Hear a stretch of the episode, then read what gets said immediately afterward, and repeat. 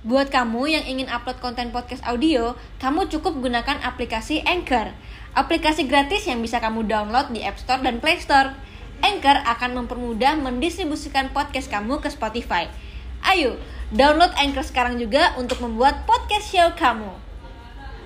Tiba-tiba datang 13 orang polisi menangkap secara paksa gitu loh apa nggak terserang psikologis bapak gitu loh. Kalau kemarin kita membahas tentang kasus kejahatan seksual, hari ini kita kedatangan narasumber uh, yang viral juga di TikTok.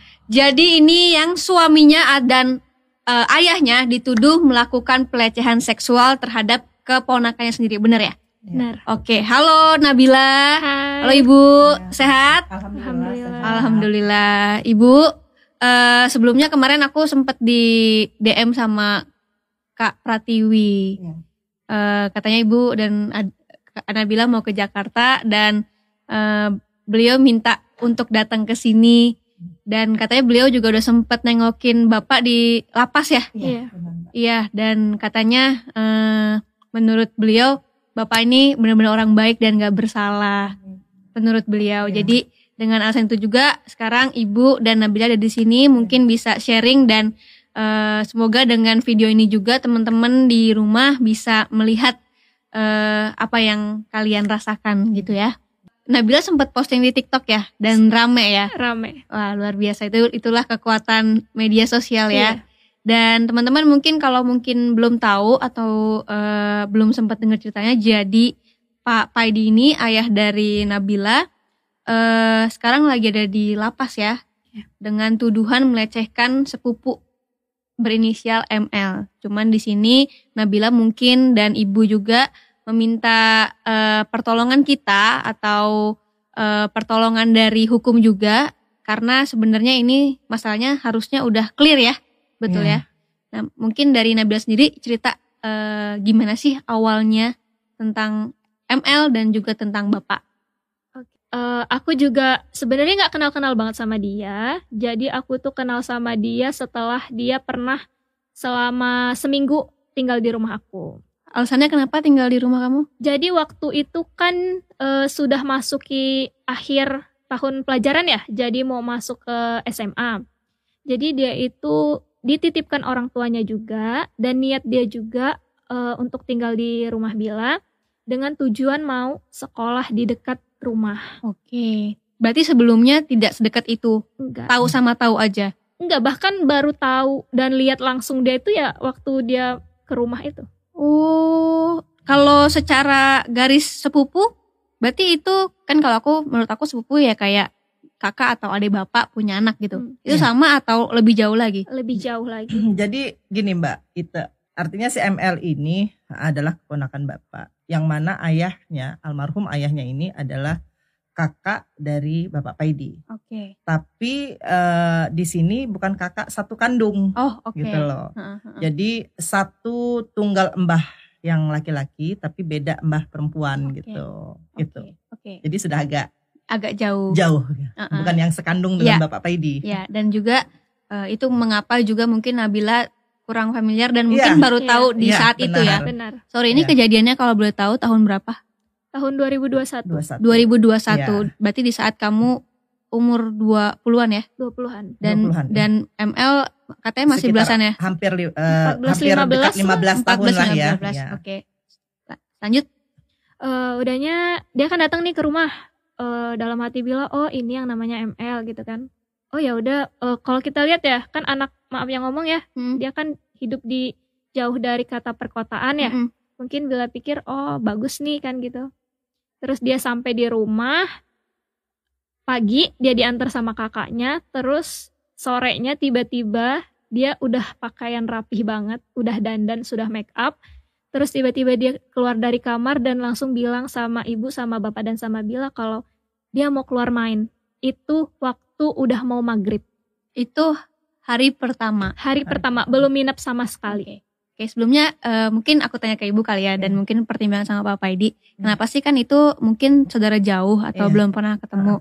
Kenapa waktu itu akhirnya mau uh, dan menerima ML untuk dititipkan? Oh gini, ah ya, gini Mbak itu waktu itu kan uh, seluruh keluarga besar ya dari pihak bapak ini kan memang sudah tidak menghiraukan keluarga ML ini okay. atau ayahnya ya. Oke. Okay.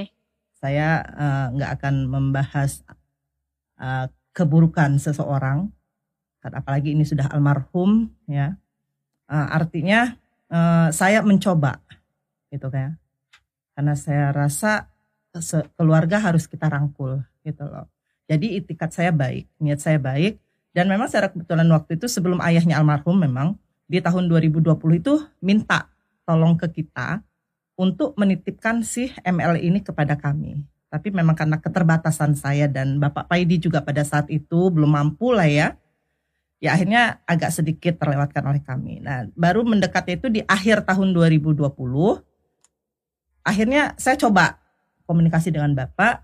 Ya sudah deh daripada si ML-nya juga karena kita dengar selentingan dia sudah kerja di KP dari oh. tahun 2020 itu gitu loh ya udah saya bilang daripada dia kerja di kafe saya kan buka usaha toge nih. Mm mbak mbak Ike di rumah usaha toge kecil-kecilan. Ya udahlah daripada ini ya udah kita suruh aja dia di sini. Saya bilang kita kembali dia sekolah ya kan.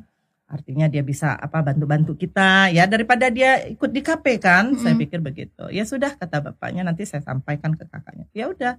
Jadi awal itu di bulan Januari 2021 itu datanglah dia dibawa kakaknya ya tapi seperti yang disampaikan oleh Nabila tadi belum minep ya kami kan otomatis kaget nih. Yeah. tiba-tiba di sore hari itu sudah dandan rapi datang motor laki-laki bawa motor gitu 14 kan 14 tahun ya Bu ya? 14 tahun. Jadi saya bilang ya saat itu sih saya nggak belum ngomong ya. Saya cuma terheran aja mau ke mana saya hmm. bilang. Saya keluar dulu ya bun gitu kan. Uh, sebentar nanti jam-jam 8 saya pulang. Uh, ya sudah karena memang sudah dijemput nggak mungkin harus saya cegah kan. Yeah. setelah dia pergi saya bilang ke bapak wah saya bilang gimana nih belum minep kok sudah keluar hmm. saya bilang kita kan takut nih mbak itu dititipin hmm. anak perempuan tanggung jawab hmm. kita kan besar benar ya nggak mudah loh dititipkan itu gitu loh nah artinya ya sudah ya udah kata bapak Paidi nanti dinasehatin lah bu hmm. gitu kan ya sudah sesampainya dia pulang jam 10 malam ya saya kasih nasihat sebagai ibu sebagai istri paman ya saya katakan jangan kayak gitu lagi ya nak saya bilang nggak boleh keluar malam kalau mau main ya siang lah nggak apa-apa hmm. gitu kan bunda kasih waktu untuk main gitu loh. Tapi kalau malam jangan, kamu kan anak perempuan. Mm -hmm. Saya bilang apalagi kamu tinggalnya sama bunda, sama Pak Mina. Mm. Takut nanti kalau terjadi sesuatu apa-apa, kan bunda yang kena tempuh nantinya Benar. gitu loh. Besar loh pertanggungjawaban bunda ini kalau kamu memang mau ikut bunda. Mm -hmm. Nah itulah Pak. Itu artinya saya mencoba untuk merangkul uh, satu keluarga gitu loh. Saya pengen mereka itu punya nilai tersendiri lagi gitu loh. Karena memang kan kehidupan mereka ya saya bukan bukan untuk um, menjelekkan ya. Artinya saya sedikit ada kemampuan sedikit belum belum belum banyak gitu loh. Hmm. artinya saya berniat untuk membantu gitu loh. Ya sudah tapi ya itu dilihat uh, dia sudah belum apa apa sudah itu ditambah lagi nanti ada ini lagi dengan Nabila gitu hmm. loh. Pakai pakai pakaian Nabila dengan tidak ngomong gitu loh. Jadi kan satu sikap perilaku yang ngebuat Nabila juga jadi nggak respect yeah, gitu yeah. loh. Ya gimana lah ketika Mbak Ite kedatangan tamu di rumah Mbak Ite pakai pakaian Mbak Ite tanpa ngomong mm -hmm, kan mm -hmm, otomatis juga. kita ih apa sih gitu kan begitu pastinya yeah, yeah. gitu loh.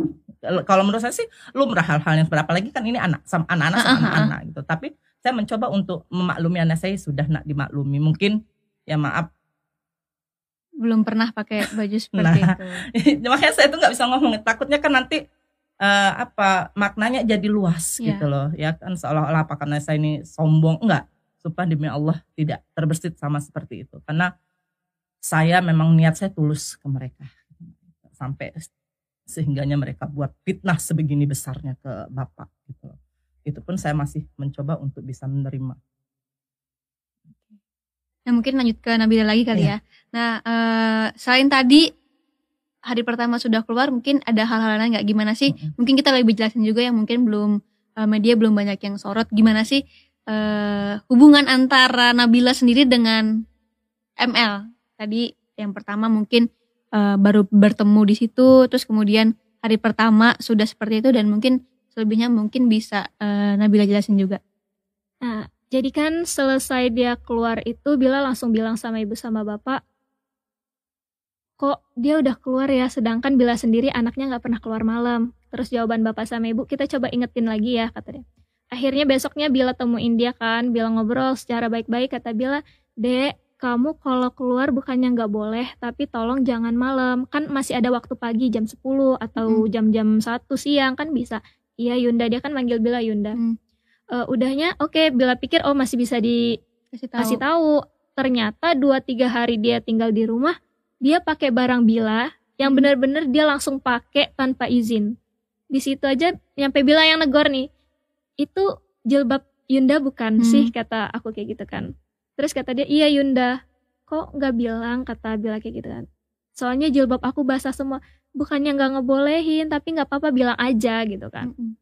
Oke dari situ masih dia pakai celana baju kacamata jilbab itu masih dipakai dia. Udahnya ada satu momen yang Bila bener-bener udah nggak bisa percaya sama dia itu saat sudah hari hampir mau dia pulang lah kalau nggak salah dia main TikTok di kamar. Hmm. dia main TikTok di kamar seharian dia main TikTok udahnya nih ya kak itu Bila ini pernah tinggal di rumah orang Bila selama tiga tahun lebih tinggal di rumah bibi loh hmm. ya kan kita tahu apa ya adab aturan kita tinggal di rumah orang gak mungkin kita nggak nolong sekecil kita nyapu pasti kita harus pegang kan jadi saat itu pikir Bila, ayo lo bantu karena kan udah tiga hari ini nggak cuci pakaian mm -hmm. karena hujan.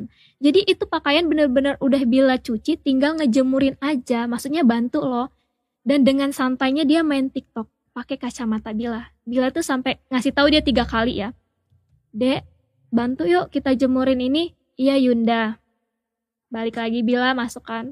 Dek, ayo sih tolong mumpung panas nih, ini kan pakaian banyak nih. Mm -hmm. Iya Yunda sampai ketiga kalinya bila tetap omonginnya sama tetap dia nggak bangun akhirnya pakaian itu bila ambil langsung ke belakang hmm.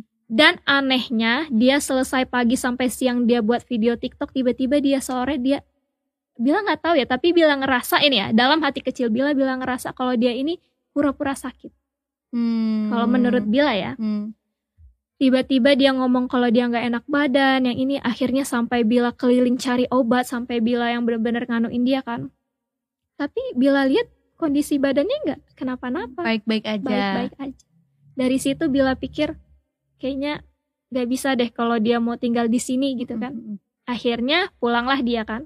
Berapa, berapa hari sorry tadi? Seminggu sekitar sepuluh hari sepuluh hari sepuluh harian lebih kurang itu, lebih lah. itu berarti uh, tujuannya nginep itu untuk apa dia mau tinggal mau tinggal dia di mau rumah mau tinggal ah, ah, mau iya. tinggal sama oh, kita dan ma sama mau kami. melanjutkan nanti kalau SMA dia Iya, mau di tinggal situ di kan. situ Nah. gitu loh. tapi 10 hari ini kenapa akhirnya dia pulang Dia pulang itu karena sekolah tatap muka. Kan kita Oh. waktu itu kan ada Covid nih. Iya, Mbak iya. Ika. Ah. Jadi kan sekolah itu kan ada yang daring, ada dia yang buka tutup artinya seminggu dia sekolah gantian gitu kan. Mm-mm. Nanti seminggunya enggak Iya. gitu. Nah, pas kebetulan yang dia seminggu di rumah kita itu nggak sekolah oh gitu loh. oke Jadi dia ambil pas eh, dia itu balik dia tatap muka Mm-mm, buka sekolah lah seminggu itu kan Heeh. mau balik lagi dia nge WA si Nabila Oh. gitu sama Nabila di, ditolak Oke, berarti dia selama 10 hari itu akhirnya dia pulang karena Pulang. sekolah tetap muka di dekat Mm-mm. rumah dia, bener ya. Mm-mm. Terus kemudian udah seminggu lagi eh dia pengen datang lagi Iya. untuk tinggal di rumah eh Nabila juga. Mm. Terus dia WhatsApp. dia WhatsApp Eh, bahasa dia Yun besok aku balik lagi ya terus aku kan memang udah cari orang nih Hmm. biar ada yang kerja di rumah kan Hmm. biar ada yang temenin juga terus alasan aku maaf ya dek bukannya nggak mau. nggak mau kata Bila ngomong dengan sangat baik bukannya nggak mau cuman di rumah ini eh, udah ada yang kerja jadi nggak ada lagi tempat Mm-mm. Bila ngomong kayak gitu tetap dia maksa kata dia gimana Yun? Kan saya mau sekolah di sana gini-gini bahasanya kan. Nanti nanti nanti Yunda kabarin lagi ya bahasa Bila kayak gitu kan. Terus ya udah pikir Bila nggak bisa kalau dia tinggal di rumah karena Bila ngerasa gini loh. Semua barang yang di rumah itu dia tuh ngerasa itu milik dia. Dia tuh ngerasa kalau ini punya dia gitu. Itu yang bilang ngerasa kayaknya nggak bisa deh kalau dideketin. Iya, iya. Dan itu sebenarnya sebenarnya kalau kita lihat lebih dari sudut pandang orang awam kan itu sebenarnya masih 14 tahun yang Iya. menurut aku pun juga kayaknya itu mungkin adalah hasil dari di rumahnya yang kayak gimana gitu Iya. kan. Beda dengan mungkin Bila yang mungkin dididik ibu dan bapak dengan baik gitu Hmm. kan. Nah, eh, setelah itu akhirnya kapan dia balik lagi atau enggak ya? Enggak. enggak Sampai ke ayahnya yang Iya. meninggal ya. sampai kayaknya meninggal. Jadi saya ngelanjutin dari uh. Nabila ya Mbak Ita. Jadi setelah dia uh, tatap muka itu sekolah tatap muka itu dia mau balik lagi sama Nabila yang dia kan WA-nya ke Nabila yeah. terus nih. Ditolak terus sama Nabila. Memang orang tuanya berupaya terus hmm. gitu loh. Orang tuanya pun berupaya agar anaknya itu bisa tinggal sama kami. Oke. Okay. Gitu kan. Nah, jadi di bulan 2 di bulan Februari 2021 Satu. itu ayahnya itu kecelakaan. Jadi kita bantu urus. Tengah-tengah malam saya tinggalkan pekerjaan. Wayahnya saya harus nyiram toge, saya tinggalkan. Berdua dengan Bapak Paidi motoran. Kami ke rumah sakit yang jarak tempuhnya itu sekitar 4 kilo dari rumah kami. Eh, saya tengah-tengah malam jam 12 kami datang ke sana. Kita bantu urus segala macam. Sampai pada akhirnya itu di bulan 4 ayahnya si ML ini meninggal. Meninggal. Itu. Di kurang 10 hari bapaknya ayahnya si ML ini meninggal, itu datang ke rumah kita. Hmm. Maghrib-maghrib klakson-klakson kita kaget kan. Sampai tetangga itu bingung siapa sih Nel kok tamumu maghrib-maghrib klakson-klakson gitu kan. Bapaknya CML ini kemudian uh, datang dia minta uang 100 ribu untuk beli obat. Mm -mm. Pak Pedi, saya kan di belakang. Mm. Terus tanya, Bu ada duit 100 enggak? Kenapa? Dia minta untuk beli obat. Oh iya ada. Saya kasih lah uang 100 itu. Bapaknya ini ngomong, tolong saya Pak Edi. Ngomong sama si Bapak Pak Edi ini. Mm tolong saya dek kata itu saya dekat kan saya dengerin tolong bantu saya dek biarin nakenmu tinggal dulu di sini. Gitu kan. Saya ini sudah nggak sanggup lagi. Saya nggak tahan lagi ngelihat kelakuannya si ML ini, ini. Hmm. gitu loh. Kalau diomongin dia marah-marah dia mau pergi dari rumah. Gitu loh. Ya saya juga kan bingung nih ya kan. Saya bilang sama si Nabila Nabila sudah nolak keras ya kan nggak mau. Gitu loh. Ya sudahlah saya pikirkan ini kalau kita campur nanti kan jadi timbulnya nggak benar juga bener. kan uh-uh. mbak itu ya saya kan selaku ibu nih uh-huh. yang satu anak yang satu keponakan ya kan ya saya bilang sama bapaknya almarhum ini waduh kiai saya panggilnya kiai ke bapaknya kiai aja nggak sanggup gitu loh gimana dengan kami gitu kan yang tahu persis itu kan kiai yang yeah. punya anak gitu loh benar ya kan jadi saya juga nggak sanggup ya saya bilang. Maaf dulu saya bilang kayak gitu. Memang betul-betul saya nggak sanggup saya bilang. Kiai aja yang ini yang nggak sanggup apalagi kami. Ya udah pulanglah yang bapaknya ini. Nah 10 hari dari itu tuh bapaknya langsung meninggal gitu kan? Kita datang bapak datang ngelayat ya kita sampai ke pemakamannya kita bantu juga. Udah. Di bulan limanya itu mereka saya undang untuk acara lamaran ayunya kakaknya si hmm. Yang pertama mereka hadir semua ya biasa aja tuh CML juga. Tapi Cuman memang ada ada sesuatu hmm. yang beda. Apa ini itu? baru bila buka di sini ya. Jadi kan ML itu anaknya super apa ya? Kalau kita bilang ya. Ya, aktif. ya super aktif lah bahasanya. Ya ngobrol ya gitu. Banyak yang dia tanya biasanya kan. Tapi itu tiba-tiba pas waktu lamaran kan dia datang nih sama hmm. ibunya sama si kakaknya dia itu benar-benar diem. Bahkan kayak nggak negor kita ya. Iya. bahkan sama sekali. Banyak tertunduk. Uh -uh, banyak dia tuh cuman diem begini aja. Nggak tahu sih masalahnya gimana ya. Gitu. Oke. Okay. saya nggak tahu masalahnya apa. Ya itulah. Nah jadi kita undang. Sampai di akhirnya mbak Ita itu di bulan uh, ya kita dapat undangan untuk 100 hari orang tuanya CML melalui via WhatsApp. WhatsApp. Mm WhatsApp. Diundangnya itu tengah malam. Mm-hmm. Kita di jam 11 malam, Mbak Ita. Saya bukanya kan besok paginya. Iya. Jadi tanggal 28 malamnya jam 11 malam ibunya itu nge-WA. Jadi baru sehari sebelum ya? Hah? Sehari sebelum kan berarti? Iya, sehari ya. sebelum. Ya. Mm-hmm. Jadi nge-WA, paginya saya buka. Ya di situ tertera bahwa Dek besok ke sini ya, mm-hmm. mau 100 hari kiai. Mm.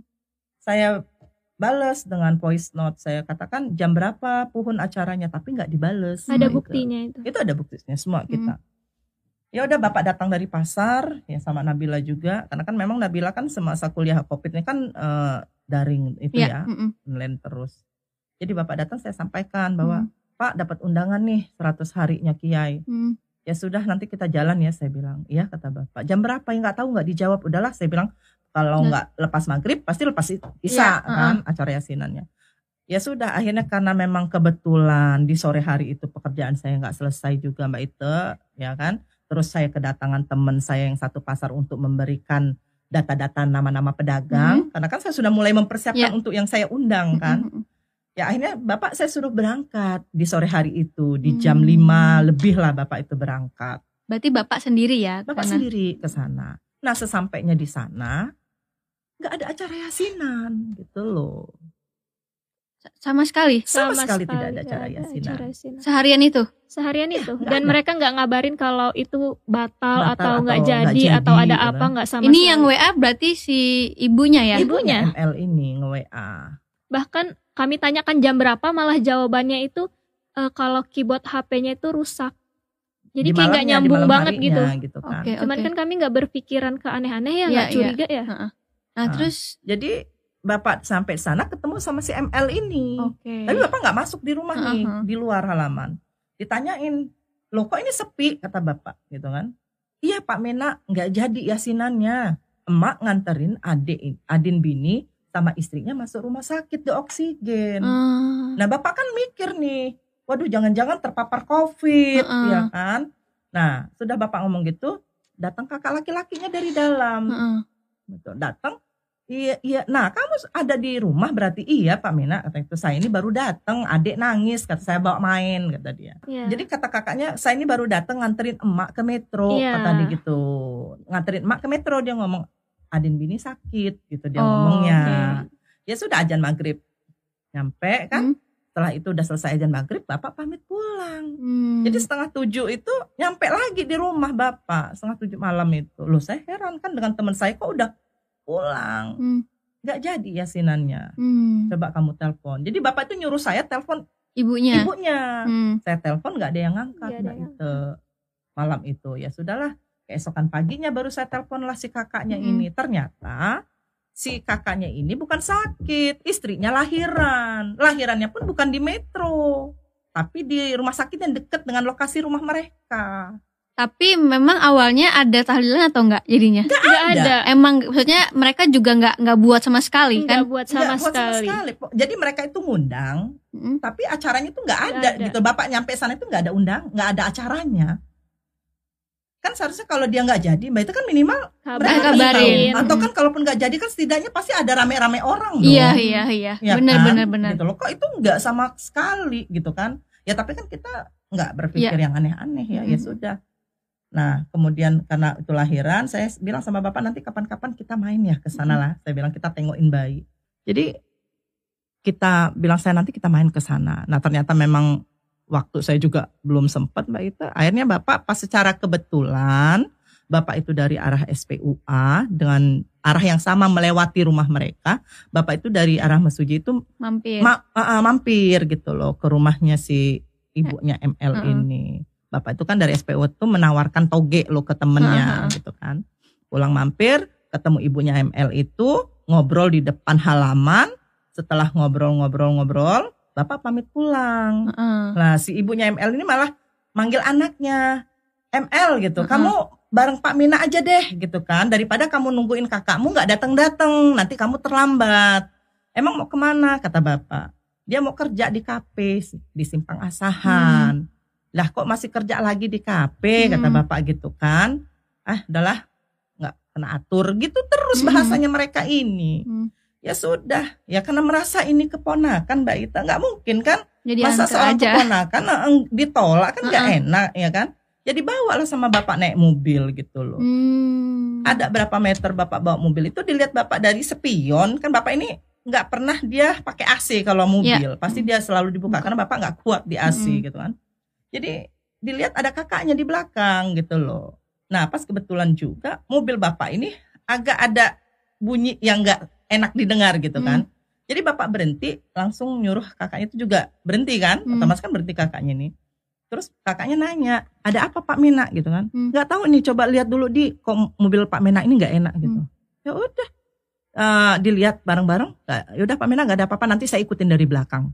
Kenapa harus diikutin? Kenapa nggak dia yang antar adiknya aja. Nah, nah, itu. itu Makanya kita juga bingung gitu ya. Udah nanti saya ngikutin aja Pak Menak dari belakang gitu hmm. kan. Ya udah sama-sama lah ke kafe ini. Nyampe nggak lama kan dari situ nyampe. Karena kan deket hmm. ininya. Cuman jarak 10 menit aja Mbak dari hmm. rumah mereka itu ke kafe hmm. empat anak itu kerja. bayangkan minep loh mbak. Hmm. Padahal kan deket sih kalau dia yeah, kerja yeah. PP kan bisa, bisa. aja sebenarnya. Tapi hmm. kan itu dia minep. Hmm. Berarti kan melayani pelanggan itu dari pagi sampai di malam hari, hmm. ya kan? Nah jadi diantar ketemu sama yang punya KP, bapak itu disuruh turun sama si ML. Surya kakaknya si ini. Cowoknya, hmm. eh si kakaknya. Katanya Pak Menak turun dulu titipin adik. Ya sudah turunlah pamannya ini nitipin sama yang punya KP. Jadi double double yang nganter dong. Iya. Jadi yang satu naik motor, yang satu, satu naik mobil. Yang satu bawa mobil ya. Iya, maksudnya kayak nggak masuk akal kalau ini. Hmm, jadi bapak nitipin ya udah bapak pulang nyampe ngobrol ya ketemu saya ngobrol hmm. ngomongin dia orang sudah mampir ke sana hmm. gitu kan ya saya kan orangnya ya keluarganya nggak ada masalah iya. saya nggak ada curigaan dengan siapa pun saya nggak ada rasa cemburu dengan bapak -hmm. karena memang bapak saya percaya orangnya gitu yeah. kan ya udah mbak jadi dari tanggal 29 Juli kita dapat undangan itu tiba-tiba di tanggal 28 bulan 8 bulan kemudian. sebulan kemudian itu kakaknya datang ke rumah kita marah-marah. Ini berarti dari tanggal 27 sampai 28 itu tidak terjadi apa pun antara tidak keluarganya ada. Nabila dengan keluarga Emel tidak ada komunikasi atau apa pun? Tidak ada. Tidak ada. Tiba-tiba di tanggal 28 28 dia datang dan langsung marah-marah. Marah-marah kakaknya okay. ini ya depan rumah itu saya suruh masuk. Saya bilang, "Kenapa?"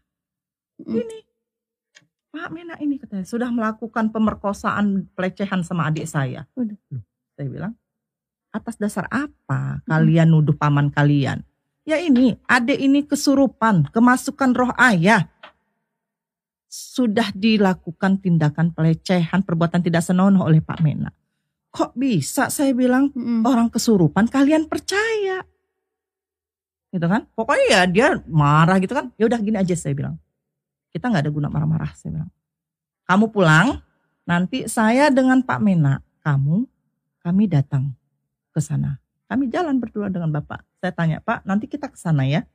Saya mau tanya. Tapi saya tanyakan dulu Mbak itu sama Bapak. Hmm. Apa yang sudah kamu lakukan? Jujur. Hmm. Saya bilang, saya mau kamu jujur. Sumpah demi Allah, demi Rasulullah Bu, ini saksi langit sama bumi. Saya nggak melakukan apa pun jangankan saya mau nyetubuhin atau menyentuh anak itu. Bermuat mesum dalam otak saya ini nggak ada sama sekali. Saya percaya mbak, saya percaya sepenuh hati saya. Karena 25 tahun saya yang tahu persis bapak seperti ya, apa. Harusnya ya. Saya yakin. Walaupun kata orang manusia itu ada salah, pasti ada. Ya kan, tapi tidak bapak tidak sekotor dan tidak sehina itu. Soalnya ibu juga udah 25 tahun. Ya, saya 25 tahun yang tahu persis dia seperti apa. Akhirnya saya berdua dengan bapak datang ke sana ke rumahnya si ML ini, tapi nggak taunya di rumah ML itu nggak ada orangnya. Kami ke rumah kakaknya yang datang marah-marah ini. Oh jadi udah pisah rumah dia sama si ya, ML? sama si kakak kakaknya kan udah pisah karena udah, udah berkeluarga. Oh, okay. uh, jadi kita datang ke sana, kami pertanyakan mana ML. Iya lagi di tempat apa ngomongin tempat kan ML ini tujuh bersaudara. Mm -hmm. Jadi ML ini anak yang nomor enam. Mm -hmm. Gitu loh. Mm-hmm. Lagi di rumahnya si A uh, uh, uh, kakak gitu. yang uh, lainnya uh, kakak yang lain ayunya ayunya gitu kan ya udah tiba-tiba dibawa sama kakaknya yang ngikutin dari belakang ini sudah dipapah.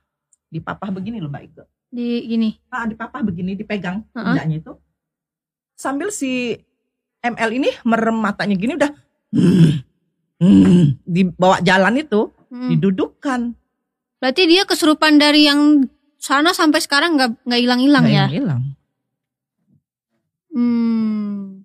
Nah jadi dihadapkan dengan bapak, selesai bapak sholat maghrib itu didudukkan sehadapan, bapak itu jadi gini mbak itu, yang lucunya lagi itu bukan si ML ini yang ngomong. Kalau saya sudah diperkosa, saya sudah dilecehkan, hmm. bukan ML ini, tapi kakaknya hmm. yang katanya sakit ini hmm. itu yang menanyakan gitu loh. Ini siapa? Hmm gitu kan kamu kenal nggak sama ini ini gitu nanyanya hmm. terus ngomong kamu sudah dilecehkan ah, ah, sudah diapakan iya gitu dia iya jawab. diperkosa iya berarti dia nggak aduh saya diperkosa nih gitu enggak oh, enggak secara langsung terucap dari bibirnya itu tidak ada sama sekali gitu loh nah terus bapak disuruh ngaku bapak disuruh minta maaf loh Gimana saya disuruh ngaku? Saya nggak melakukan perbuatan itu, kata hmm. bapak. Sumpah demi Allah, demi Rasulullah, kata bapak. Nah si ML ini melakukan tindakan pemukulan. Ke? Ke bapak. Bapak. Dalam kondisi yang katanya kesurupan. Yang katanya kesurupan. Jadi bapak itu dipukulin, ditinju, kemudian dia nendang. Dia nendang ulu hati bapak, tepat di ulu hati bapak sampai bapak itu terpental. Saya bingung kan Mbak Ita. Mm. Kami cuma berdua. Mm. Sementara yang di situ itu ada sekitar 13-an orang atau 15-an orang lah ya. Termasuk ada yang beberapanya ma- memakai pakaian pencak silat. Kan anak ini ikut pencak silat. Si ML ini. Iya, ada perguruannya gitu loh. Oh. Ada dia ikut perguruan dan malah yang saya tahu itu dia dari 2017 ya sudah ikut pencak silat ini dan malah dia sekarang itu di tahun 2019 Mm. berarti sebelum kejadian tindak pemerkosaan dia itu sudah warga Mm. artinya dia sudah mampu melatih anak-anak yang di bawah dia Oke. gitu jadi kan berarti ada kemampuan untuk melakukan pembelaan diri gitu Benar. loh nah ya sudah mbak Ber- sorry, gitu. berarti 13 nih kakak-kakaknya juga datang semua. iparnya Iparnya. iparnya karena kan kakak-kakaknya juga termasuk sudah mencar-mencar Iya. karena kan sudah ada yang berkeluarga Mamanya Gitu ikutan mamanya. ada Ada juga. ada juga Oke. Jadi bapak saya tarik bawa keluar Hmm. Mbak Ita. Eh, sampai di tengah halaman datang yang kakaknya ngikutin dari belakang ini ng- mau nganuin bapak juga. Oke. Jadi kan saya udah kalang kabut antara saya ketakutan gitu kan luar biasa sampai saya ngomong sama mamanya, "Tolong Gepuhun, amankan dulu anak-anakmu ini." Saya bilang, "Gimana saya bisa berpikir secara sehat ketika saya dihadapkan dengan orang-orang yang seperti ini gitu loh." Mhm. Bener. Bapak akhirnya saya saya pikir gini Mbak itu pada saat itu, ini kalau saya di tengah halaman begini konyol saya. Mm-mm. kalau terjadi sesuatu sama kami, otomatis kan kami yang salah kan. Mm-mm. Saya bawa bapak masuk ke dalam, saya sampaikan ke kakaknya yang sakit ini, yang sakit itu katanya, saya bilang, sekarang saya nggak bisa terima ini dulu, lah," saya bilang, saya minta saya pulang dulu, Mhm. nanti kita selesaikan lagi. Saya mau adik kamu semua dalam keadaan yang sadar, biar saya enak gitu loh. Iya, benar. Iya kan Ita? Ya gimana ketika orang nggak sadar harus kita ladenin. ngeladenin kan? Ya udah akhirnya saya pulang. Itu pulang itu si ML itu udah ngedepak. Pingsan lah atau gimana. Hmm. Ada salah satunya entah ustadz entah dukun itu megang-megangin tangan si ML tuh ngomong ini masih ada ini, masih ada ini. Gitu loh. Seolah-olah mengatakan bahwa itu masih ada roh Iya. yang masuk ke dalam tubuhnya ML gitu Iya. loh. Sepanjang jalan, Pak. Saya pastikan lagi dengan Bapak. Saya pastikan lagi. Saya nggak mau ada kesalahan ya kan. Bantu saya Pak, saya bilang kayak gitu. Kalau memang benar kamu sudah melakukan, saya ikhlas. Kita selesaikan. Iya kan Mbak Ita? Mhm. Benar nggak langkah Benar. saya ini? Bener dong. Karena saya juga nggak mau menapik kata orang Ustadz aja bisa salah, Iya. Ustadz juga pasti bisa melakukan. Mm-mm. Iya kan Mbak Ita? Apalagi kami sebagai manusia biasa tentunya ya kan. Saya pastikan lagi dengan Bapak sepanjang jalan. Bapak bersumpah apa pun saya berani. Sumpah apa pun saya berani. Bu, percayalah dengan saya. Saya tidak melakukan perbuatan sehina itu. Saya yakin. Lagi-lagi saya yakin dan percaya 100% Mbak. Bukan karena saya ngomong ini saya melakukan pembelaan diri terhadap Bapak, tidak. Tapi memang sepantasnya dan sewajarnya kalau itu memang salah katakan salah, jika benar katakan benar. Ya. Gitu loh. Itu saya punya prinsip. Mm.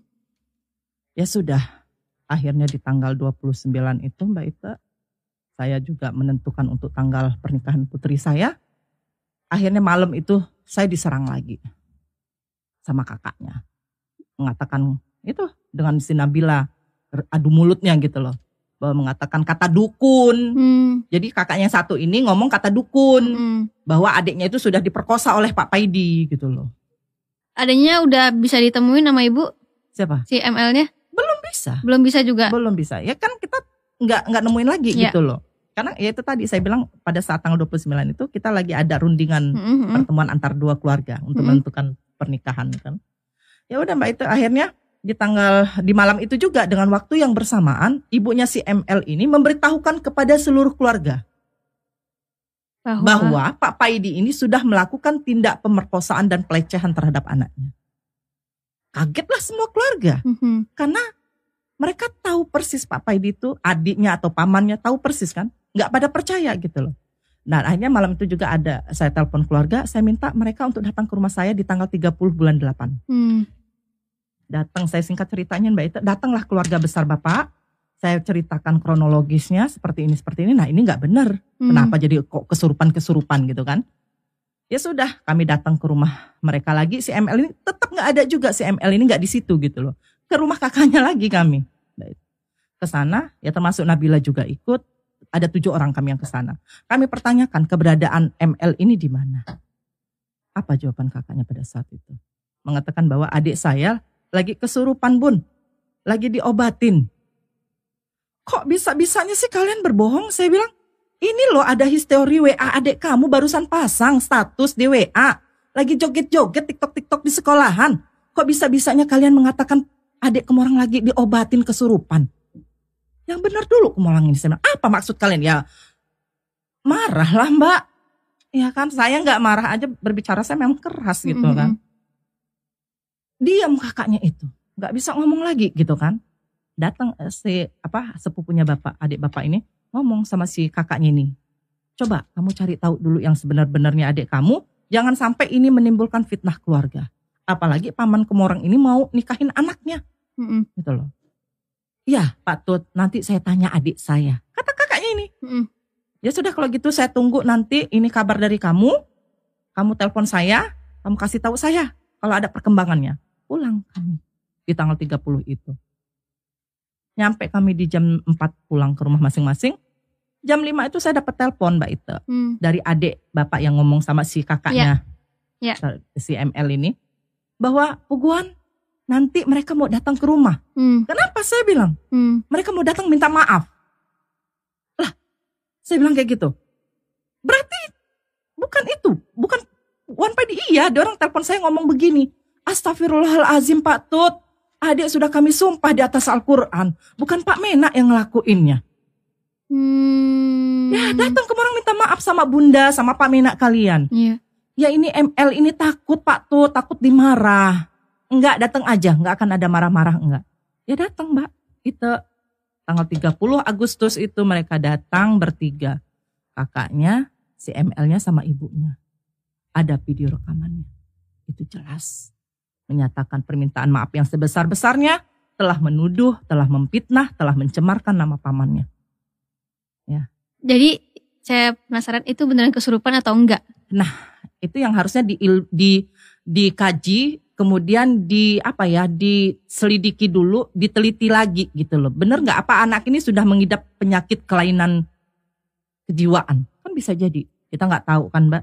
Atau dia terobsesi terobsesi atas sesuatu hal, ya apalagi dengan adanya dunia Media teknologi ya. yang canggih kan, Mbak, gitu kan.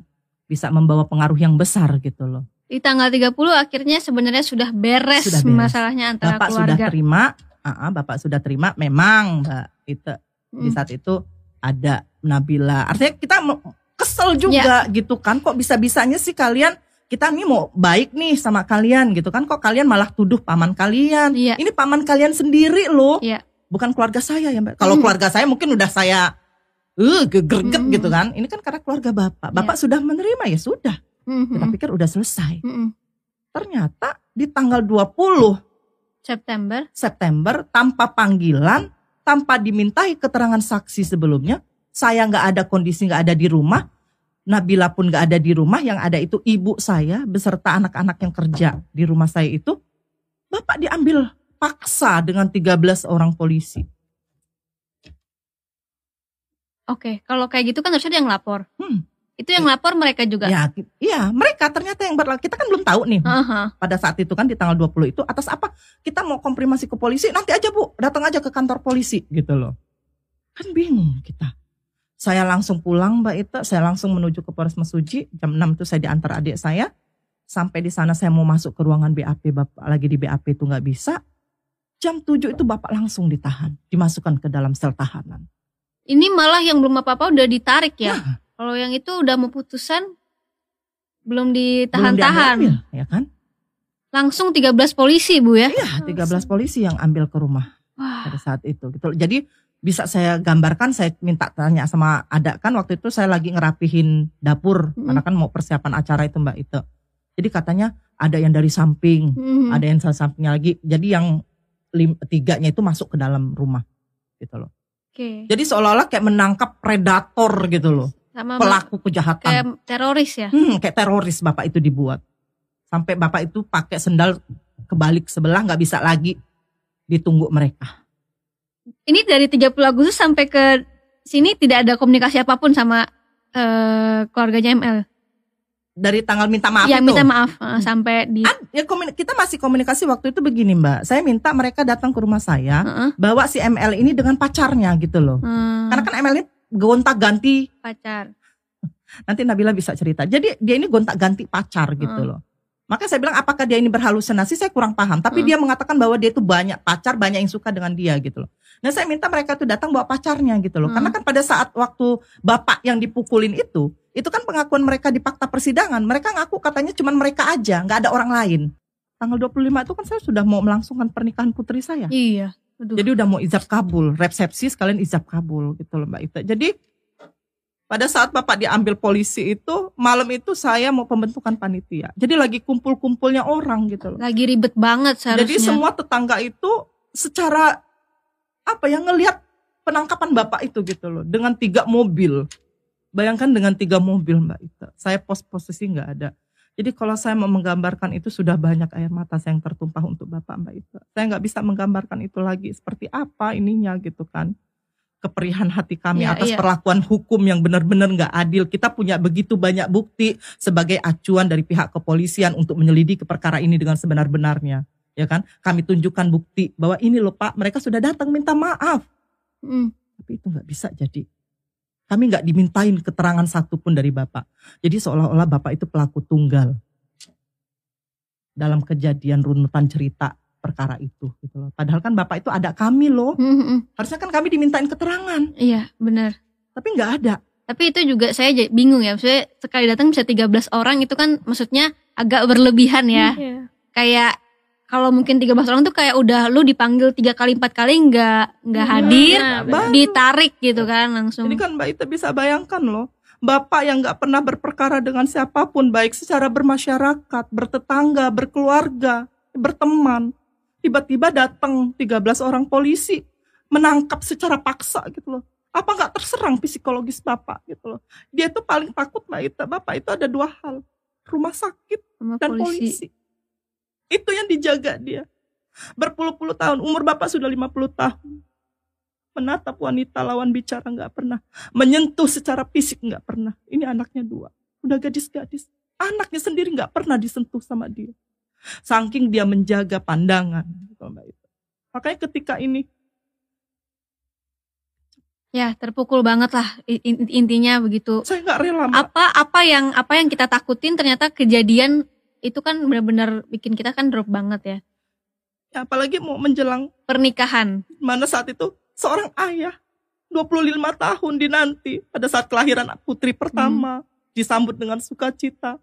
Kemudian disekolahkan, lulus dengan baik, kemudian bisa mendapatkan pekerjaan gitu kan. Di hmm. ujung di penghujung penantiannya sebagai seorang ayah untuk menjadi wali.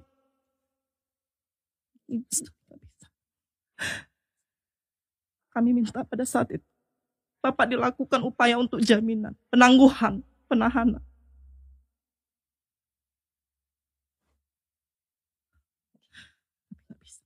Bapak tetap tertahan. Malah kami disuruh untuk minta perdamaian. Kami minta maaf ke keluarga CML. Bagaimana Mbak Ita ketika sebuah proses kronologis sudah kita lalui ya kan? Mereka secara kesadaran penuh tanpa paksaan siapa pun. Mereka sudah datang ke rumah kami meminta maaf. Bukan kami loh yang datang ke rumah mereka untuk minta maaf. Mm -hmm. Mereka yang, mereka yang menyatakan kesalahan mereka gitu loh. Mm -hmm. Coba Mbak Ita mengamatilah bagaimana gitu loh. Kalau ketika Mbak Ita jadi korban, masa Mbak Ita yang harus datang ke, ke pelaku? Gak mungkin kan Mbak Ita? Ya, benar. Harusnya pelaku lah yang datang ke rumah. Sini ke orang, datang minta maaf ke sini kita selesaikan secara kekeluargaan itu yang benar oh ini secara kesadaran penuh loh mereka datang ke rumah saya tanpa paksaan mbak Ita sekarang ini zaman canggih semua bisa punya bukti tunjukkan bukti mereka secara real secara nyata jangan hanya kata-kata kami punya banyak bukti loh mbak Ita bahwa anak itu secara psikologisnya bagaimana, secara ini bagaimana. Orang tuanya sendiri yang menyatakan itu. Ada bukti rekamannya dia. Nabila. Bahwa anaknya ini mau makan anak bayi. Berarti kan ada kelainan anaknya ini Mbak Ita. Berarti ML mau makan anak bayi? Iya, anak ayunya sendiri.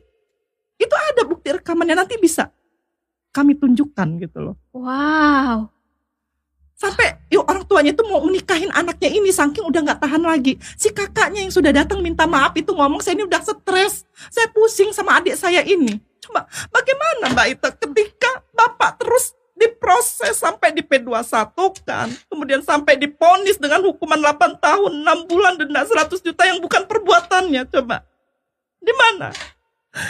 Di mana? Coba keadilan buat Bapak. Loh, sementara bukti kami sudah cukup jelas. Dan ini akan kami perjuangkan sampai mana pun. Nyawa saya siap pertaruhkan untuk Bapak, Pak Ita. Nyawa saya sekalipun saya siap bertaruh untuk Bapak. Saya akan cari keadilan untuk Bapak.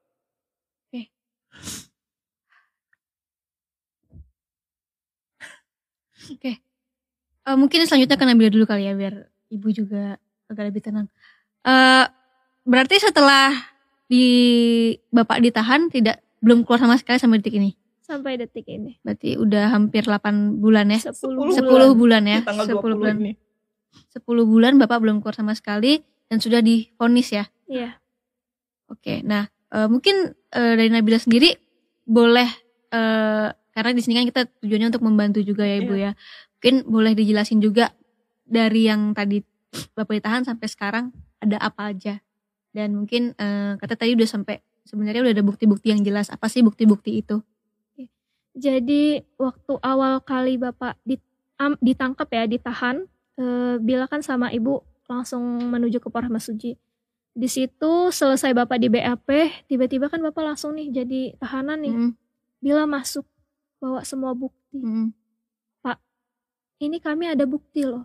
Video permintaan maaf dari perilaku anak itu sampai undangan pun kami ada jawaban para penyidik saat itu adalah ini buat ngeringanin di persidangan. Hmm. Jadi benar sama sama sekali kami nggak bisa ngebela diri. Terus uh, udah itu pikir bilah kok kayak gini ya? Hmm. Kok nggak ada satu kesempatan satu kesempatan pun nggak ada bahkan di orang lihat pun video itu enggak ini uh, aku confirm lagi berarti hmm. yang melaporkan adalah pihak ML ya? Iya. iya Oke. Okay. Uh, eh, setelah itu terus mengenai rekaman itu -hmm. benar uh, ibunya ML itu kan pada saat si ML ini udah posisi kesurupan nih kan -hmm. dia dibawa pulang nih -hmm. kan. Terus si ibunya sampai bilang begini, iya si ML ini memang sering kesurupan, hmm. bahkan sudah pernah mau makan anak bayi di rumah sakit. Hmm. Sampai kami bilang udah berhenti, berhenti jangan sih bohong, jangan lagi, jangan. Hmm. Udah lo kami kalian mau ngomong kayak gitu juga kami nggak akan percaya sampai dia bersumpah atas nama Tuhan atas nama Al-Quran kata dia. Udah pernah sampai tiga kali dibawain ke dukun atau ustadz nggak sembuh. Bahkan sampai ibunya ngomong kayak gini kalau sampai saking saya nggak kuatnya anak ini mau saya nikahin gitu. terus si kakaknya juga langsung nyaut kalau e, saya udah nggak kuat lagi saya sampai stres saya udah nggak sanggup lagi bahasanya mm-hmm. karena dalam keadaan dia sadar dia ini mau minta maaf merasa malah pengen lagi tinggal di rumah kami tapi kalau seandainya dia dalam keadaan kesurupan dia kayak fitnah-fitnah kami okay. gitu. Oke, okay, nah setahu saya juga kalau misalkan eh, itu juga sudah beberapa bukti juga ya yang yeah. memberatkan mungkin pelaku atau sekarang mungkin bisa dibilang Pak Paidi gitu ya. Mm-hmm. Nah dari mereka tuh kenapa sih akhirnya bisa menetapkan nih Pak Paidi menjadi eh, terdakwa ya kalau udah difonis ya. Iya. Nah itu kan pasti mereka juga punya pertimbangan. Menurut iya. mereka apa sih pertimbangan polisi ini bisa menjadikan Pak Paidi ini terdakwa? Ya, sebenarnya nanti itu bisa kuasa bagiannya hukum ya, Bang bagian Willy ya. hukum. Oh, oh. Uh-uh. biasanya mungkin nanti Bang biar lebih lah, jelas, lebih biar, jelas. Jadi biar, kawan -kawan biar penyampaiannya juga lebih ini lagi Mbak itu tentang masalah hukumnya. Karena kan memang uh, kuasa hukum Bapak ini kan yang sudah ketiganya gitu Mbak hmm. Jadi yang kedua ini uh, ya ada sesuatu hal lah namanya hukum ini mm-hmm. nggak bisa kita ini kan mbak itu artinya mau benar mau salah ya kan? Mau kamu ringan mau kamu berat semua bermain. Diganti boleh. ya. Mungkin sekarang kita lebih ke fakta hukum ya. Ya fakta hukum bila aja ya? Iya. Oh, bila aja. Sini bang. Mungkin sekarang kita lebih ngobrol sama ibu dan juga bang Willy ya selaku kuasa hukum. Ya. mungkin kita biar tahu fakta-fakta di lapangannya seperti apa. Silakan. Silakan. Bang Willy, tadi saya sempat tanya juga sama Ibu. Kan kalau dihukum yang saya tahu kalau misalkan akhirnya difonis berarti kan ada bukti-bukti yang seharusnya jelas uh, kenapa sampai Bapak Paidi difonis gitu kan. Nah, kira-kira mungkin dari Bang Billy uh, bisa menjelaskan dari sisi hukum apa aja sih bukti itu? Oke, terima kasih. Sebelumnya perkenalkan nama saya Febrian Willy Atmaja, SHMH. Nah, kebetulan memang sebagai kuasa hukumnya Pak Paidi Adapun tadi itu sudah disebutkan sama Ibu Arneli, selaku istrinya Pak Paidi, kita ini sebagai pengacara pengganti yang ketiga. Nah, saya sedikit berbicara uh, pas kita masuk ya, ya. Bahwasanya kita menggantikan pengacara sebelumnya. Nah, itu sudah di sesi menghadiri saksi yang meringankan untuk Pak Paidi. Jadi kalau dari saksi si ML ataupun ML sendiri itu tidak kebagian lagi kita. Mm -hmm. Nah jadi dari saksinya Pak Paidi, saksi yang meringankan keberangkatannya Pak Paidi sampai ke rumahnya ML dan juga kepulangannya dan juga saksi ahli yang kita hadirkan baik itu dari psikologi, dari itu dari ahli forensik dan juga ahli hukum pidana. Nah termasuk yang terdakwa sendiri kita pun sudah kita tanya secara langsung. Nah bahwasanya kalau kami pun juga dari segi advokat, kita pun punya keyakinan ataupun kepribadian lah untuk menilai suatu perkara ataupun mencerna perkara dan kita gelar perkara secara utuh. Kita akan melihat fakta-fakta hukum seperti apa dan juga bukti-bukti ataupun uh, data-datanya seperti apa. Nah, jadi kita pun punya keyakinan bahwasanya ya Pak Paidi sih tidak melakukan gitu loh. Nah, jadi kita sudah uh, upaya hukum dan saksi meringankan sudah hadir, baik itu yang saksi ahli juga sudah, tetapi Pak Paidi ya di dalam hasil putusan tetap dinyatakan bersalah sesuai daripada Undang-Undang 23 tahun 2002 perlindungan anak di pasal 81-nya bahwasanya sah dan meyakinkan Pak Paidi melakukan pemerkosaan. Karena dia dua pasal Pak Paidi. Hmm. Pasal 81 pemerkosaan dan pasal 82-nya pencabulan. Soalnya anak di bawah umur ya saat ya. itu ya. Jadi Pak Paidi dikenakan putusan di 81-nya yaitu putusan 8 tahun 6 bulan. Pak Paidi denda 100 juta. Oke. Oh berarti dari saksi-saksi tersebut akhirnya disimpulkan lah ya? Jadi begini Mbak, kita sudah hadirkan saksi yang meringankan ini betulnya baik itu dari yang pertama itu ada Ibu Casmini. Casmini ini cuma berapa langkah rumahnya Pak Faidi. Tetangga samping sekali. Waktu pas saat Pak Faidi berangkat ke Mesuji, Muro-Muro itu, itu kan dari rumah Pak Faidi ke rumahnya CML ini kan 20 km. Jadi kalau kita hitung 30 menit, 30 menit perjalanan, pulang pun 30 menit. Hmm. Pak Paidi itu berangkat jam 5.15 ke Moro-Moro. Nah pulangnya jam sore itu jam 5, jam setengah 7 dia sudah di rumah. Nah, berarti kalau kita hitung kan udah ada ngabisin waktu satu jam. Hmm. Nah dan yang itu diyakini juga dengan saksi karena ada juga Mbak Helena Gultom saksi kita kita oh, hadirkan iya. dan ada juga Mbak Epa ya, iya, Mbak Epa termasuk Bang Andika, Pak Andika ini yang waktu pas saat si Suryadi itu yang sudah nyumpah adiknya di atas Al-Quran bahwasanya nelpon Pak Andika astagfirullah tut tut itu manggil paman ya mm -hmm. ini adik sudah saya sumpah di atas Al-Quran bahwasanya bukan Pak Mena pelakunya mm. Oh ya sudah kalian uh, ini datang ke rumah bunda kalian ke rumah paman kalian minta maaf dan karena sudah salah menuduh mm. ya, di situlah mereka datang kan okay. ada videonya juga di iya. situ. Yeah. Nah, kalau untuk visumnya Bang Willy, okay. uh, uh, uh, mungkin jadi, mungkin kan uh, itu kan dari sisi meringankan ya. Mm-hmm. Nah sebenarnya memberatkan Pak Paidi ini apa sih kan uh, mungkin dari sisi penuntut. Visum itu pun juga itu menyatakan bahwasanya hasil daripada visum itu dari dokter kandungan menyatakan hasil visum anak ini sudah tidak intek. Hmm. Nah, ada luka robek di jarum jam 6 itu akibat keputihan. Hmm. Nah, tidak ada menyatakan bahwasanya adanya benda tumpul masuk ke uh, alat kelamin ML. Itu tidak ada. Nah, adapun posisinya ML pun juga mengakui di fakta persidangan dia sudah melakukan hubungan, hubungan badan dengan pacar dia. Nah, di situ pun juga di dalam BAP ML mengaku bahwasanya dia disetubuhi 5 menit. Nah, di persidangan ML mengaku 2 menit. Hmm. Kemarin ada info terbaru lagi di dari pihak Insert juga datang satu menit ML berbicara. Jadi berbeda-beda. Ya, Tidak jadi dari yang meri, uh, putusan hakim itu bahwasanya menyatakan Pak Paidi keterangannya berbelit-belit. Nah, tetapi kami selaku kuasa hukum melihat yang berbelit-belit ataupun yang tidak konsisten ini siapa? Sementara ML menyatakan 5 menit, 2 menit, dan sekarang satu menit. Mungkin nanti ya Allah yang menunjukkan Pas saat lagi ada yang datang lagi menyatakan ya ML menyatakan tidak ada. Jadi bukan Pak Paidi karena kami pun juga sudah menanyakan keterangan dari Pak Paidi waktu pas saat dia sebagai terdakwa, kita sebagai kuasa hukum menanyakan dan beliau konsisten jawaban beliau. Nah, kita pun juga agak bingung juga dari putusan hakim itu. Jadi kalau kata Mbak tadi berbicara yang memberatkan, yang memberatkan. Kalau kami mengharapkan ini tidak terjadi. Dan kalau bisa ini putusan bebas harapan kami kemarin.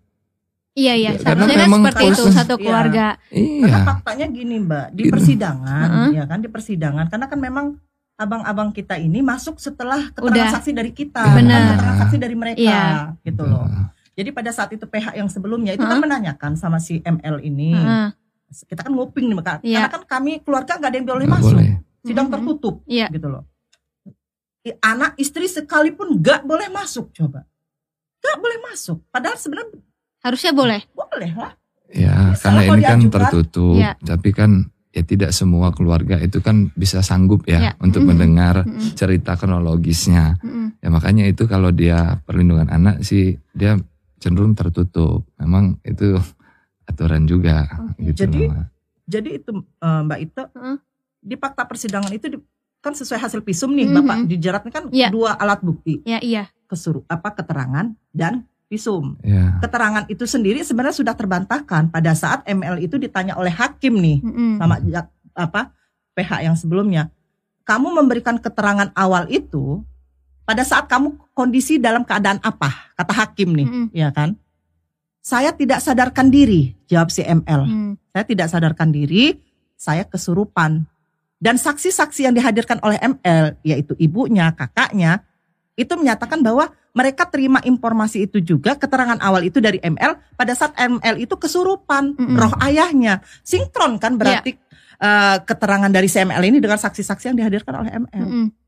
Kemudian yang kedua di hasil visum dalam tindak kasus pemerkosaan ya harusnya kan penyidik ini pakai ahli forensik mm -hmm. gitu loh. Ya bukannya kita juga tidak apa uh, dengan ahli dokter kandungan memang itu sudah ininya ahlinya hmm. di bidangnya di dalam uh, hasil visum itu bahwa memang sudah tidak intek hmm. kemudian terdapat luka garukan diakibatkan keputihan kemudian hmm. tidak ada tindak kekerasan yeah. ahli saksi ahli saksi yang dihadirkan oleh jaksa penuntut umum dokter uh, dokter ahli kandungan itu ditanyakan itu luka lama apa luka baru? Hmm. Dia nggak bisa menjawab itu.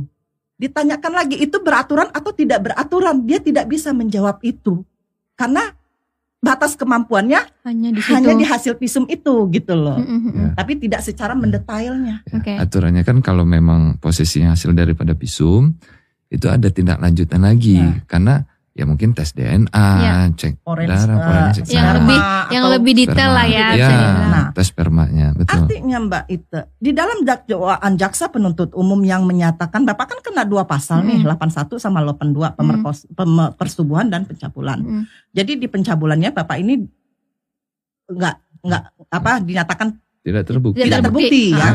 Kena di ini dinyatakan bersalah dan terbukti gitu hmm. loh di hasil visum bapak itu kan tidak sesuai dong karena kan di hasil visum itu sudah jelas dia sudah nggak perawan nggak ada luka kekerasan ya kan sementara yang didakwakan jaksa penuntut umum ini kan bapak melakukan tindak pemerkosaan, pemerkosaan dengan ancam dengan paksaan dan ancaman berarti harusnya dengan kekerasan nah dengan kekerasan sementara di hasil visum tidak ditemukan itu itu. Betul. Gitu loh. Okay. Jadi kan aneh nih hukum ini gitu loh. Ketika anak itu sudah mengaku di depan hakim di atas sumpah mm menyatakan bahwa dia sudah melakukan hubungan badan dengan pacarnya gitu loh. Tapi itu tidak menjadi suatu apa ya bahan pertimbangan pertimbangan bagi hakim untuk memutuskan suatu perkara ini. Kenapa jadi Bapak Paidi? Jadi seolah-olah begini Mbak Ite. Nggak mengindahkan anak itu mau berbuat dengan siapa pun, pelakunya Bapak Paidi. Sementara nggak ada satupun bukti yang otentik yang menyatakan pelakunya itu adalah Bapak Paidi baik dari keterangan saksi maupun hasil visum. Hanya mereka mengacu kepada keyakinan mereka. Dengan apa Bang Willy surat ahli psikolog ya psikolog. yang menyatakan anak ini katanya trauma. Loh, traumanya di mana? Ketika kita lihat, ya. kita pantau melalui ya. media sosial, anak ini dalam ya. keadaan yang baik-baik saja. Makanya kita pun juga kan sebagai kuasa hukum kan menghadirkan saksi ahli, baik itu dari forensik sama psikologi dan juga uh, ahli hukum pidana. Ahli forensik itu menyatakan bahwasanya ini kan harus ada uh, pemeriksaan lanjutan Lanjutan. terkait masalah uh, uh, ini hasil visum. Hasil visum. Nah, yang psikologi kalau berbicaranya itu kan si ML diperkosa di tanggal 29 ya. Juli. Hmm. Di tanggal 12 Agustusnya dia kan diantarin sama Pak Paidi karena dipinta sama orang tuanya ML ke tempatnya dia kerja. Nah, jadi kalau hasil daripada saksi ahli kita menyatakan bahwasanya ahli psikologi menyatakan ini kalau memang dia diperkosa secara radikal di tanggal 29 ya secara psikologi anak di bawah umur Nggak itu mau. pasti akan menutup diri. Melihat sosok laki-laki pun juga dia akan takut. Ya. apalagi ini mau bertemu dengan orang yang sama dan jalan dengan orang yang sama. Ya kalau saya sebagai ahli psikologi saya belum menemukan itu. Pastinya walaupun dia disuruh sama orang tuanya untuk diantar sama pamannya lagi Nggak dia akan beribu-ribu alasan untuk menutup diri. Nah begitu pun juga ahli pidana kita. Hmm bahwasanya ya unsur 184-nya aja itu tidak terpenuhi dari kelengkapan alat bukti dan saksi. Mm -hmm. Siapa yang melihat dan alat untuk keterangan alat bukti yang lain tambahannya itu dari hasil visum itu juga ya tidak bisa memutuskan bahwasanya Pak Paidi yang melakukan. Karena kita pun juga sempat juga memanggil para ahli bahwasanya kalau yang diperkosa itu seperti apa sih? Nah, karena saksi, uh, ahli kita pun menyampaikan bahwasanya kalau ada luka robek di jarum jam 12 dan jam 6 itu dia tidak diperkosa secara radikal. Tapi tetapi uh, uh, tetapi kalau dianya ada luka robek di jarum jam 2 dan jam 3 itu baru betul dia diperkosa secara radikal. Nah, kita coba lihat lagi di hasil daripada visum itu nggak ada pernyataan sama sekali. Ada peluka hmm. robek jarum jam 6 itu akibat keputihan. Tidak adanya masuk benda tumpul. Iya. Nah, kita pertanyakan kepada saksi ahli, ya, bahwa ahli pidana, menurut saksi ahli, seperti apa menilai perkara ini, kasus ini?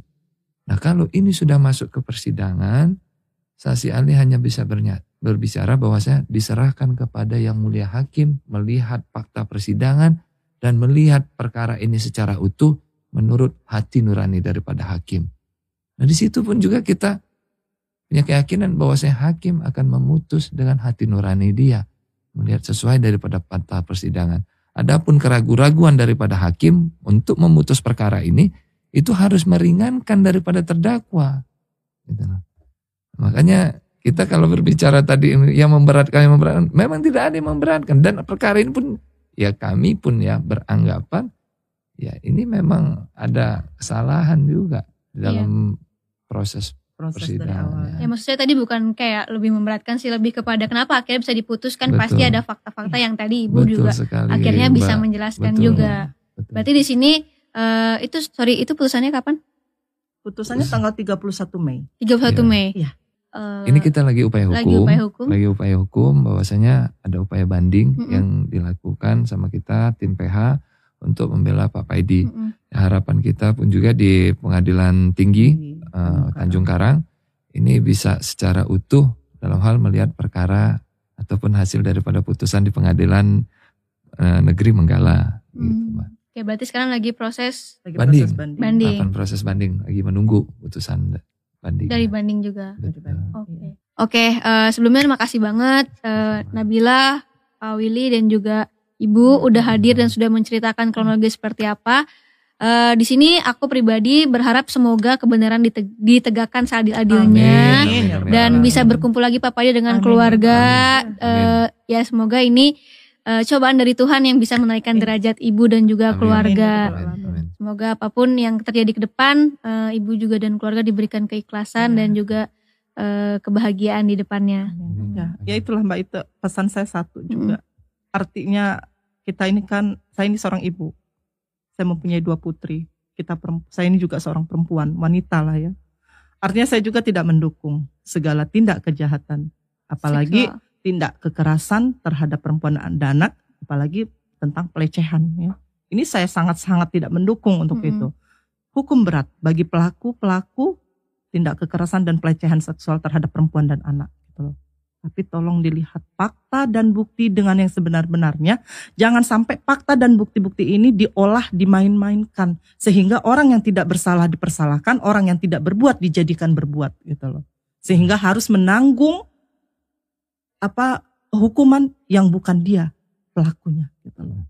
Itu harapan saya. Dan tentunya harapan saya juga terima kasih banyak Mbak Ite. Kami sudah diberikan kesempatan untuk mengutarakan apa yang menjadi apa ya kepedihan hati kami atas proses hukum yang kami terima gitu loh. Tapi juga apa tidak akan putus hentinya doa-doa terutama dari seluruh apa para apa ya namanya ini media sosial ini ya seperti netizen kayak gitu ya. Saya ini kurang paham Mbak. Karena kan ini sebenarnya semuanya Nabila yang bu- ha- bikin Viral. viral ya gitu loh. Karena dia merasa bapaknya dizolimi gitu loh. Mm-mm. Jadi terima kasih banyak yang nggak Sama-sama. bisa saya sebutkan satu persatu. Ini ada kesempatan artinya saya mengucapkan ribuan banyak terima kasih. Saya mohon bantu dikawal terus proses Bapak Paidi sehingga Bapak Paidi benar-benar dapat kembali terbebas dari segala tuduhan fitnah ini, dapat kembali hak-haknya sebagai warga negara Indonesia, sebagai warga negara yang bermasyarakat. Artinya bisa dikembalikan itu semua gitu loh Mbak. Dia bisa berkumpul lagi dengan kami, melakukan aktivitas kesehariannya. Itu harapan saya. Artinya pengadilan tinggi yang memproses untuk eh, masalah hukum Bapak ini agar bisa melihat semua fakta-fakta dan bukti-bukti gitu. Itu aja sih Mbak. Amin, Amin, amin, amin, amin, amin, amin. Amin.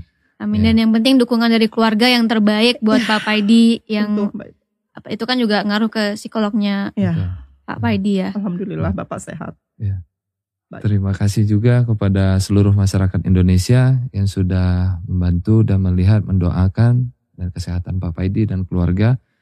Nah, kita dari selaku kuasa hukum ada satu-satu kata-kata yang memang terkenal yaitu ada gium hakim bahwasanya lebih baik melepaskan seribu orang yang bersalah daripada menghukum satu orang yang tidak bersalah. Harapan kami pun juga di Pengadilan Tinggi Tanjung Karang ini melihat secara utuh daripada perkaranya Pak Faidi ini dan besar pula harapan kami akan menjemput Pak Faidi dalam kebebasan beliau Amin. keluarga besar. Terima kasih semuanya masyarakat Indonesia. Thank you. Kita doain yang terbaik buat Paidi Mohon dan juga doanya ibu terus. dan juga keluarga. Amin. Thank you. Nonton sampai habis ya. Makasih ya. Jangan lupa follow Instagram aku di sini dan nonton video lainnya di sini.